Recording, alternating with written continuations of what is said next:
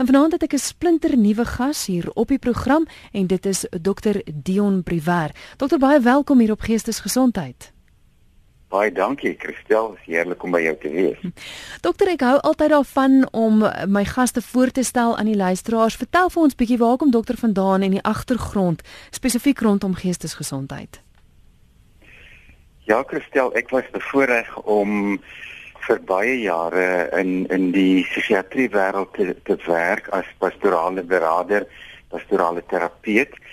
Ek het in Port Elizabeth begin uh, in die Elizabeth Duncan Hospitaal, die psigiatriese hospitaal en ehm um, ook in die uh, provinsiale hospitaal in hulle psigiatrie afdeling. Natuurlik het ek ook in in die die ehm um, algemene hospitale gewerk. So ek sê altyd ek moes na baie moeilike plekke saam met mense reis omdat hospitale bring maar baie moeilike uh krisisse na mense toe.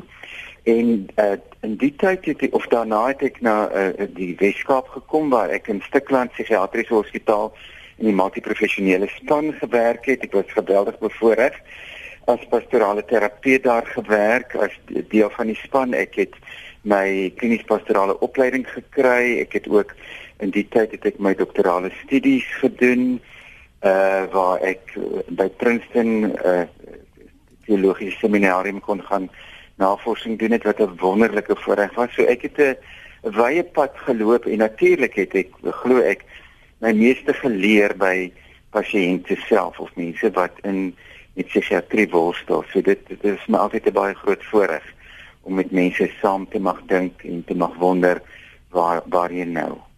Wat vir my wonderlik is is dat dat psigiatrie, teologie en sielkunde kom eintlik half by by mekaar want van die agtergrond kom uit eintlik al drie al drie daai velde.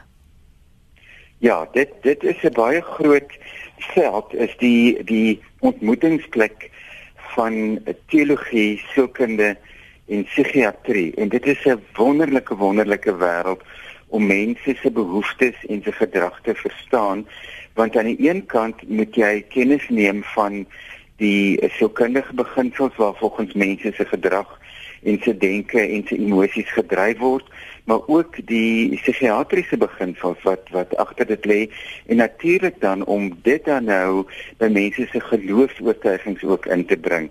Nou dit bring soms ook vir mense baie uh komplekse vrae na vore want mense sy het vanuit 'n geloof verstaan of vanuit hulle uh, geloofs-oortuigings baie keer baie sterk sienings oor psigiatrie en uh, ek sê altyd vir mense mense moet maar baie versigtig wees om wanneer jy geloofsuitsprake maak as daar byvoorbeeld depressie of skizofrenie of angs is as jy nie ook die die mediese of psigiatriese wêreld ken nie want dan is ons op 'n terrein wat ons baie baie versigtig moet wees. Hmm.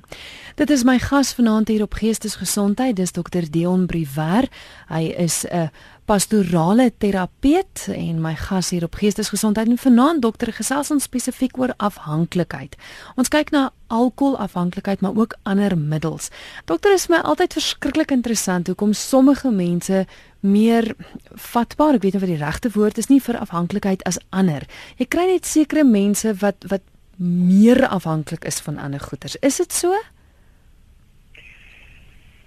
Ehm um, ek dink so ja, daar is 'n uh, uh, definitief 'n uh, genetiese geladenheid wanneer 'n mens by afhanklikheid kom, maar ek ek wil graag net iets wat nou in my gedagtes terwyl ek praat opkom is ons dink baie keer net aan afhanklikheid aan alkohol of dwelms, dwelmmiddels, maar daar is ook baie ander forme van af afhanklikheid, uh, veral in ons moderne wêreld, byvoorbeeld internet mm. afhanklikheid nie net internetpornografie nie maar die hele saak van die, die kinders wat uh, van jongs af met die selfoon in die hand is en die tablette in die hand is en en daar word 'n afhanklikheid gekweek daar so so wanneer ek oor afhanklikheid dink dan dink ek breër as net die middelafhanklikheid ek dink aan iets waar 'n mens nie beheer oor het nie en wat wat jy dan uh amper verslaaf raak aan in die sin dat jy uh moet dit gaan kry. Nou dit is 'n baie baie interessante wêreld en onderwerp wat nou ook oopgemaak word met die neurowetenskappe. Wat kyk uh, veral maar wat gebeur in die brein wanneer 'n mens uh aan een of ander middel of van een of ander vorm van gedrag afhanklik raak en uh, dit is baie baie interessant. Nou, jou vraag is gewees, uh, maar is, is daar sommige mense wat meer afhanklik is as ander? Ja, ek dink daar is so daar's mense wat wat uh, baie meer soek na 'n uh, beloning, die sogenaamde reward system wat wat meer geaktiveer word by sommige mense as gevolg van genetiese geladenheid of as gevolg van van 'n uh, eh, eh, gedurende stimulasie en dit het natuurlik nou ook te maak met hoe die brein reageer. En ons elkeen het mos nou ook 'n unieke brein. Uh, ons breine is waarskynlik maar baie dieselfde maar ook baie uniek. So daar is definitief sou ons kon sê dat sommige mense meer geneig is en dit lê ook in ons gene die die uh, afhanklikheid. Dit is my interessant die die die genetika en hoe dit 'n rol speel, maar dokter Cummings gaan en sê omstandighede. Dit veroorsaak in sommige mense se lewe dat hulle meer afhanklik is van iets as anders. Want ek meen, as jy so groot geword het, as jy groot geword het met 'n pa wat wat nog altyd gedrink het, is so 'n persoon meer geneig tot afhanklikheid? Die sê ding ehm um, in in die kringe waar ek beweeg het is het, wanneer daar gepraat word oor die oorsake eh uh, van uh, een of ander probleem met ons altyd gesê en nou die Engels is it is nature and nurture. Hmm. So daar daar lê beide hierdie kant die die uh, oorerflikheidsfaktor maar dan natuurlik ook die faktor wat uh, baie beslis uh, invloed het op hoe ons groot geword het ons omgewings uh invloede. Daar's byvoorbeeld studies gedoen met met identiese tweelinge, die sogenaamde tweelingstudies waar uh daar dan nou vergelykings getref is waar die twee tweelinge in verskillende omstandighede groot word en hoe dit dan dieselfde is of nie dieselfde is nie. So daar is definitief afgelei uit hierdie studies uit dat jou genetika bepaal baie dit baie beslis uh jou vatbaarheid vir afhanklikheid, maar jou ehm um, omgewing het beslis ook 'n invloed. So dis beide hierdie wat 'n rol speel. So as ek iemand is groot word in 'n huis waar daar uh, alkoholafhanklikheid was, dan sal 'n mens uh, sê aan die een kant sê die persoon 'n aversie kon kry daarteen en uh, heeltemal sou wegbeweeg van alkohol af omdat hy of sy niks daarmee te doen sou wou gehad het nie of dat dit dan geneties ook baie sterk is en dat dit dan ook die voorbeeld is en dan word dit ook weer nagevolg by die pa. So dit dit loop na verskillende kante toe. Daar is nooit net een antwoord op hierdie komplekse vrae nie. Hmm.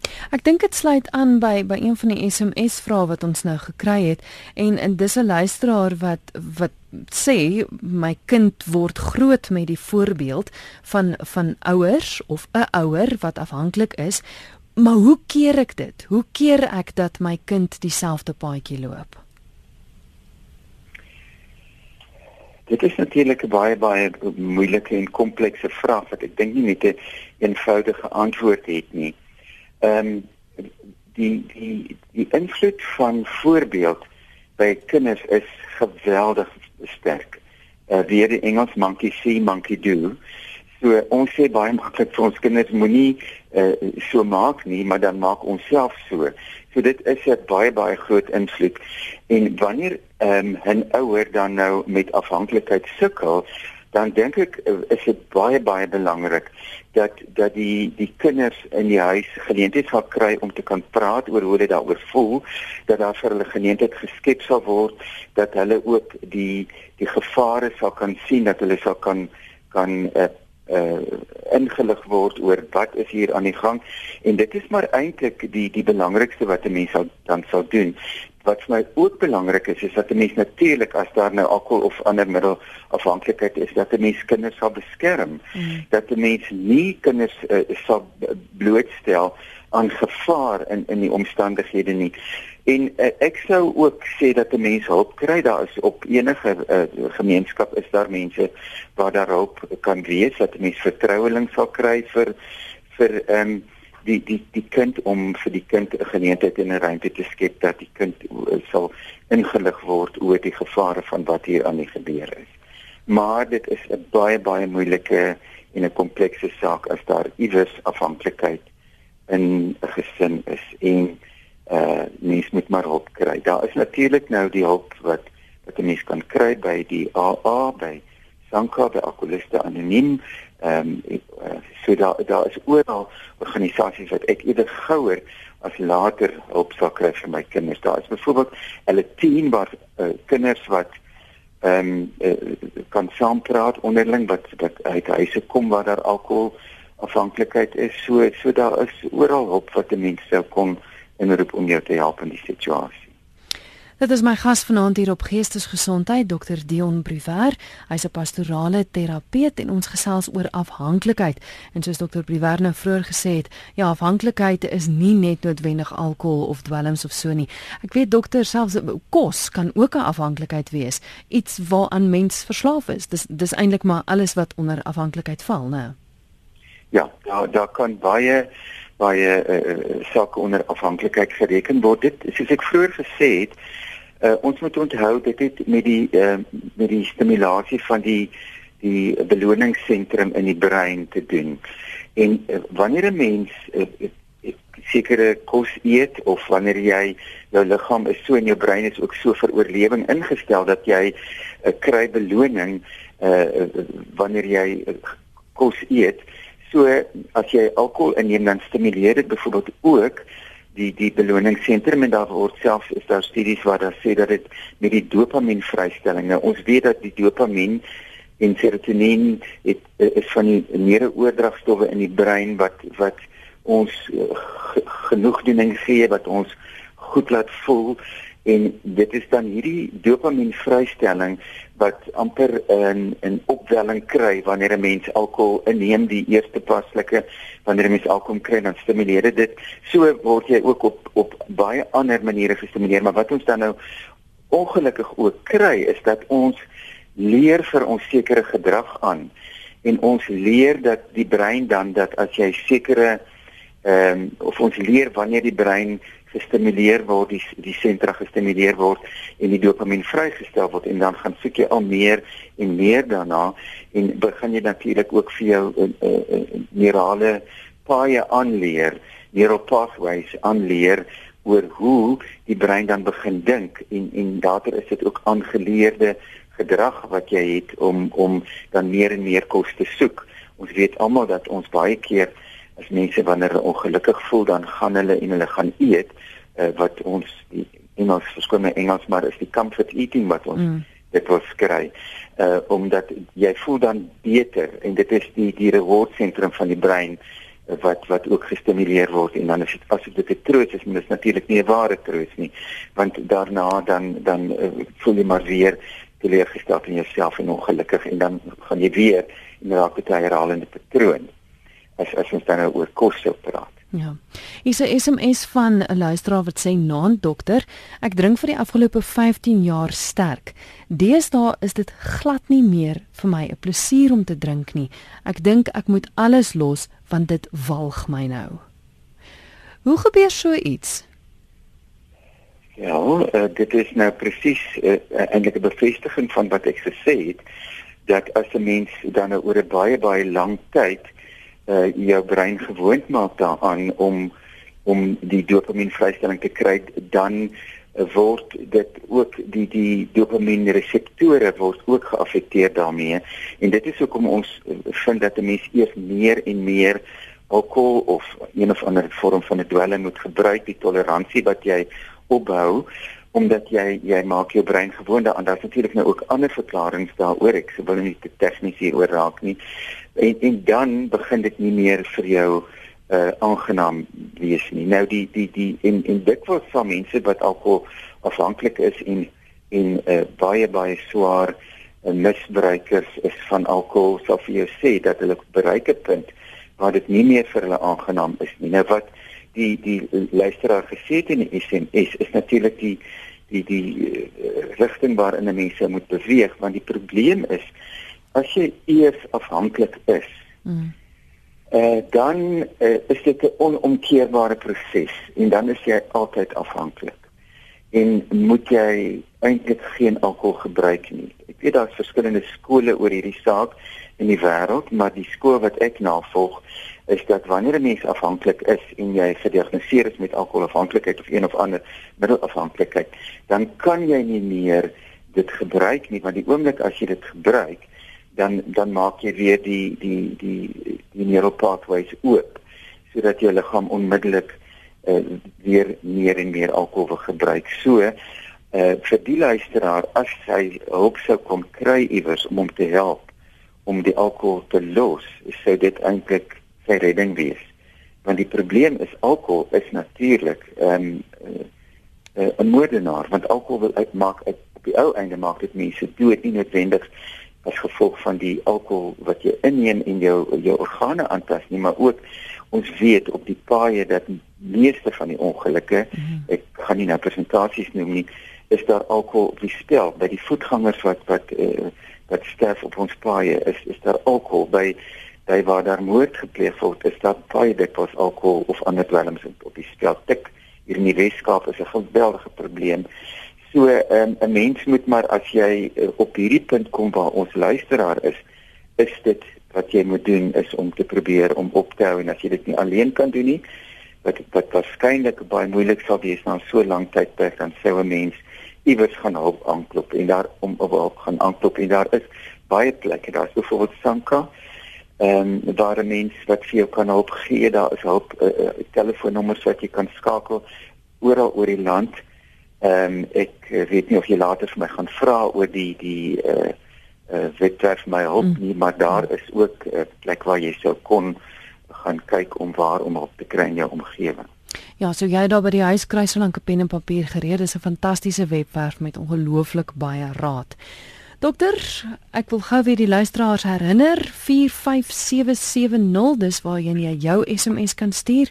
45770 elke SMS kos jou R1.50 of 'n e-pos kan gestuur word via ons webwerf rsg.co.za of jy kan skakel ateljee toe 089 11045553 Dokter, die volgende SMS is een wat nogals heel gereeld elke keer as ons oor afhanklikheid praat, deurkom en dit is 'n luisteraar wat vra, "Hoe weet ek of ek afhanklik is?"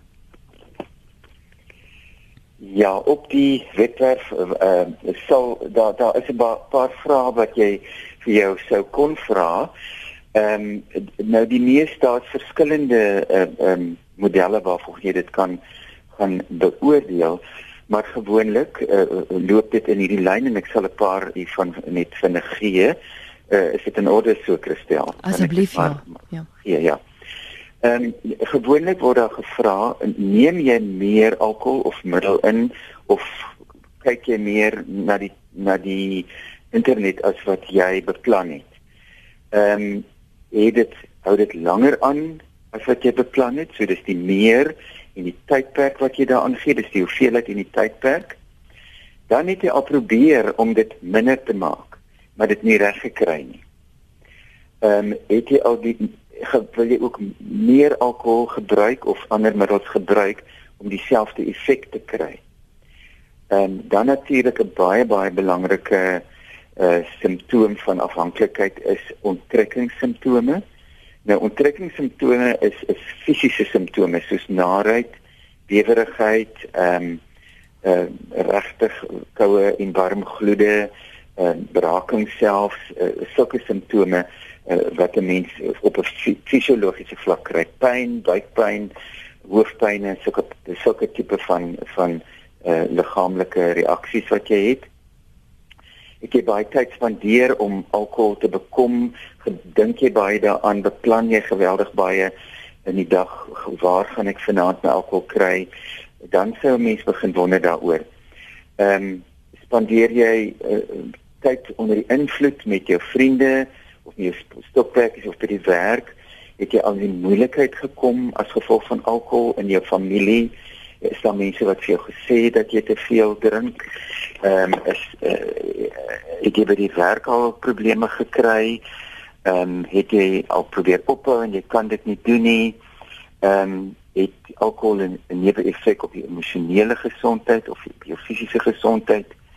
En is mense ongelukkig daaroor? Nou ek maak altyd by enige van hierdie probleme, ons moet onthou dat uh alkoholafhanklikheid is 'n siekte. Dit is 'n siekte toestand.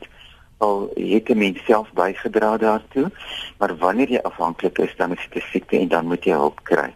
Hmm. Nou by 'n psigiatriese siekte is daar twee keer baie dui twee baie duidelike sake. Die een is daar is 'n tydperk aan verbonde, so so mense is met alkohol is jy lankdurig aan die worstel daarmee en dan is daar 'n uh, 'n uh, uh, funksioneringseffek. Met ander woorde, die die die toestand of die siekte sal 'n invloed op jou funksionering hê in jou werk of in jou gewone daaglikse omgang by die huis. So as jy alkohol 'n invloed het op jou sodat jy nie meer jou rol as pa of ma of uh, uh lid van 'n huisgesin kan vervul nie, dan sal ek baie bekommerd wees.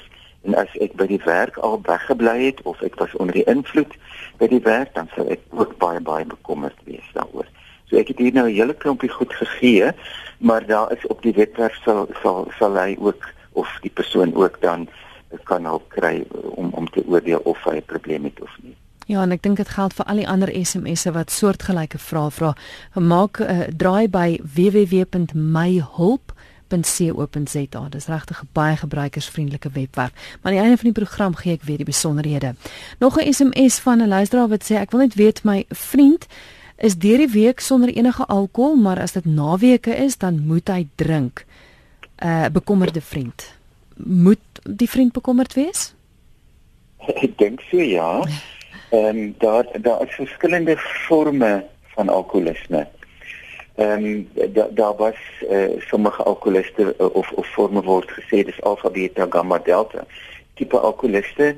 Ek gaan nie nou daarop ingaan nie, maar daar is definitief 'n en nou weer moet jy my verskoon want ek sukkel soms met die om die direkte vertaling na Afrikaans te kry, maar binge drinking uh en dit is baie baie gevaarlik en dit is mense wat wat in die week niks sou neem nie maar wanneer hulle dan alkohol gebruik dan gebruik hulle alkohol tot die oormaat sodat hulle hulle selfs selfs alkoholvergiftiging sou kon hmm. opdoen. Hmm. So so dit is dit is regtig iets waarna 'n mens sal moet kyk en dit is baie gevaarlik.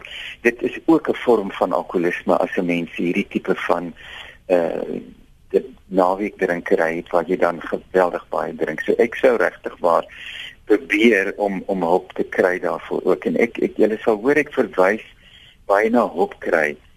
My verstaan van wanneer ons met met met verslawing of met afhanklikheid te doen het, dat dit 'n baie baie moeilike saak is wat 'n mens by jouself kan oplos. Mm. Natuurlik as jy dit self kan doen, asseblief doen dit onmiddellik.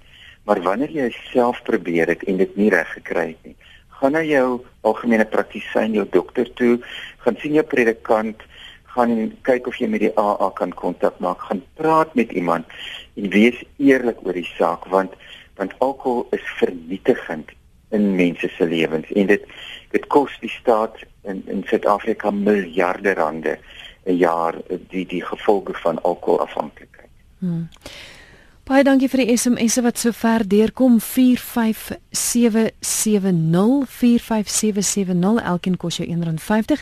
Dokter is 'n redelike lang SMS, maar ek dink dit sluit aan by waaroor ons vanaand gesels het en dis 'n luisteraar wat sê ag Christel, ek was in 'n familie ingetrou waar drank elke aand en oor naweke baie erg gedrink is. Almal in daardie huis het gedrink. Toe my kind 19 jaar oud was, het ek my kind gevat, my man geskei, maar drankmisbruik is oor erflik moontlik. Dit of een of ander dwelm.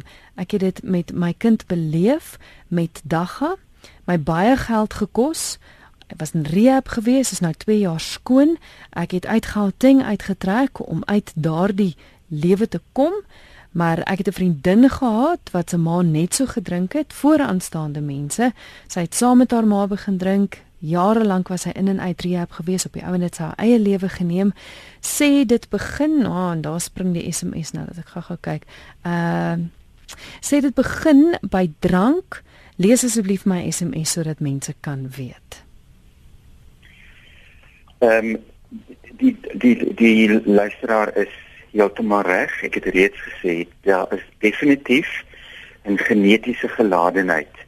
Wanneer daar uh alkoholafhanklikheid in 'n familie is, dan is die geneigtheid by die afstammelinge groter en moet die afstammelinge definitief baie baie meer oplettend en versigtig wees met alkohol. Maar wat die luisteraar ook aanraak en dit is 'n saak wat wat uh, in Suid-Afrika belangrik is, is uh alkohol is 'n aanvaar sosiaal aanvaarbare middel. En uh alkohol word baie wyd gebruik en alkohol word baie onoordeelkundig ook gebruik. Ek spot altyd met mense. Ek sê ek hou baie van wyn. Ek self uh, drink net goeie wyn. My van is Brouwer. Ek kom van Robertson af. Uh so die lewe is te kort om nie goeie wyn te kan drink nie. So ek het ek geniet my wyn, maar maar die die vraag is hoe gebruik ons ja. alkohol? En dit is mos nou met enige iets so. Die probleem lê nie in die alkohol of in die wyn of die brandewyn of wat watter vorm jy ook al gebruik nie. Jy die die, die probleem lê in hoe jy dit gebruik. Daar is wel van die van die middels wat baie baie gevaarlik is. Soos jou jou onwettige middels. daarmee uh, uh, sê al die navorsing mense moet afgeraai word om daarmee te eksperimenteer want dit is hoogs verslawend. Iets soos heroïne, uh, mense wil nie eers daar naby kom nie want want jy van een uh, keer se gebruik kan jy afhanklik word. So mense moet regtig baie versigtig wees. En en vir al die jong mense ook en ouers wat wat luister moet weet dat hulle moet met hulle kinders hieroor baie oop gesprek hê.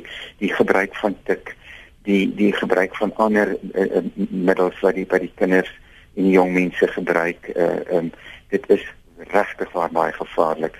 Al is dit sosiaal aanvaarbaar moet 'n mens baie baie versigtig wees daar rondom. My gas is Dr Dion Brivara, hy is pastorale terapeut en ons gesels vanaand oor afhanklikheid. Jy luister na die program Geestesgesondheid. Dokter, hier is 'n SMS wat deurkom van ek neem aan dis 'n ma wat sê, "Wat doen ek as ek vermoed my kind spandeer veel te veel tyd aan TV-speletjies. Hy gaan nie eens toilet toe nie en piepie sommer in sy broek. As ek met hom daaroor praat, dan word hy woedend. Hy is 15, sy skoolwerk is heel goed en hy neem aan sport deel, maar naweke is hy pal voor die TV. Ja, dit is dit is 'n baie baie moeilike vraag en ek dink hierdie hierdie ma uh, raak 'n saak aan wat vir baie ouers eh, 'n uh, groot probleem is en en dit is een van die moderne ehm um, eros wat wat wat die tegnologie vir ons gebring het en dit is dat dat mense afhanklik raak van TV-speletjies nou sy vra wat doen sy Ehm um, ek dink nie daar is 'n een eenvoudige antwoord hier ook op nie.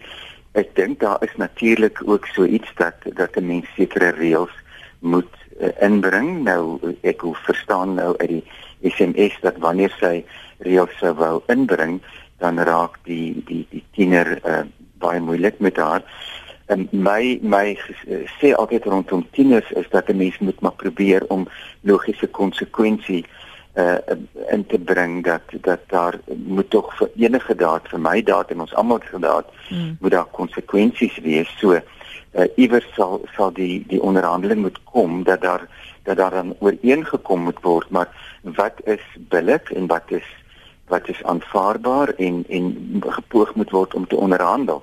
Nou as as sy en en haar haar kind nie uh daar tot 'n vergelyk kan kom nie dan sou ek weer eens ook maar ek beveel altyd aan daar is mense wat vir mense kan help met ouerleiding. Hoe maak 'n mens in 'n situasie soos hierdie? Daar is spesifieke so kundiges wat wat rondom die die die die, die ouerleiding by by hierdie tipe van goed spesifiek uh, vir ouers kan kan help daarmee.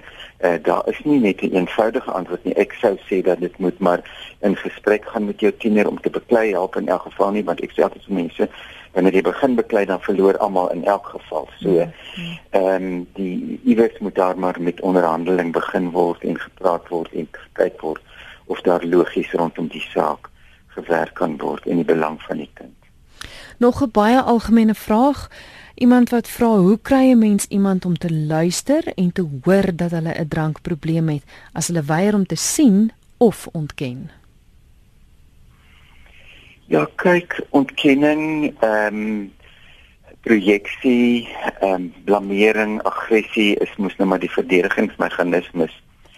Ehm um, ons raak nou hier aan 'n onderwerp wat wat 'n baie moeilike en komplekse onderwerp ook is en dit is die uh, onderwerp van enabling.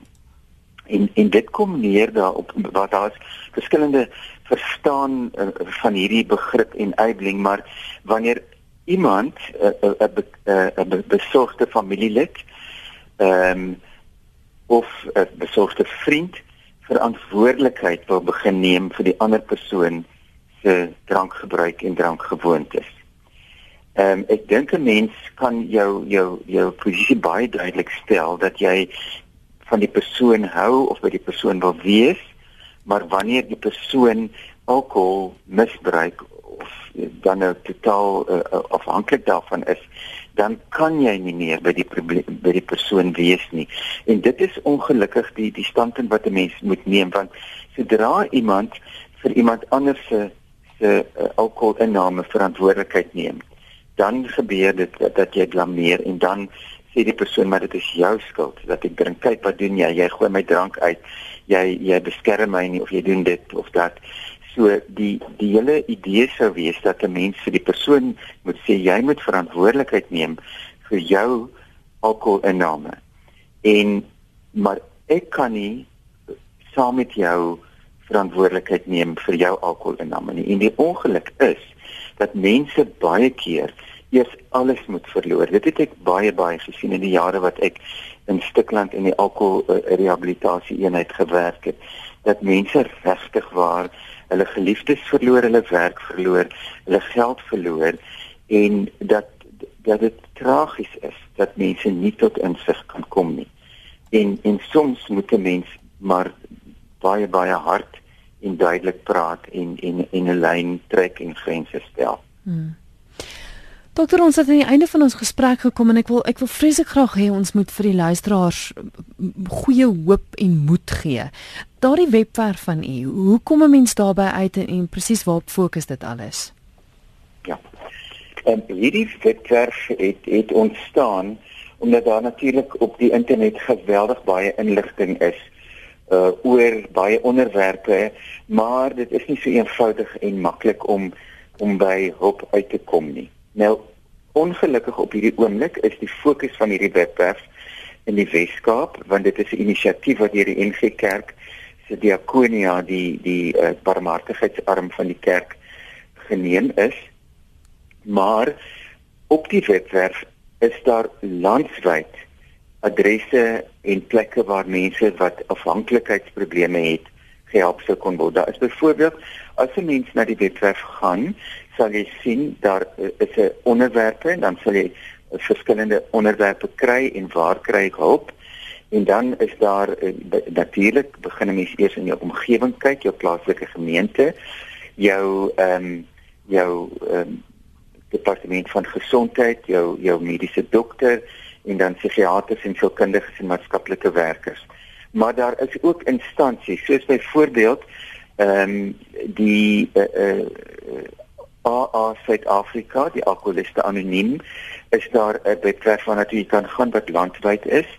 Nasionaal is Sanka, is daar 'n webwerf as jy daarop klik, jy sal dit kry op die webwerf, dan sal dit vir jou al Sanka se kantore met nommers, kontaknommers en adresse oopmaak en ook behandelingssentra.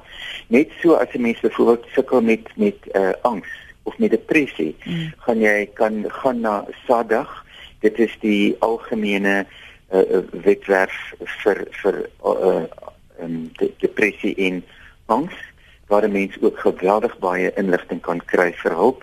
So dit is nie net uh, vir die Weskaap nie. Ons hoop dat hierdie uh, wetwerf later uitgebrei kan word dat dit 'n uh, uh, groter diens raak uh, in in Suid-Afrika, maar ek dink dit is 'n beginpunt vir iemand wat regtig hulp soek in sy of of haar familielid vir jouself ook as jy moedeloos is want jou eggenoot of jou pa of ma het 'n alkoholprobleem kan jy ook daar gaan en sal jy ook uh, kan hulp kry. So dit is dis regtig waar baie vriendelike plek en dit is baie baie betroubare bronne wat gegee is op op die webwerf.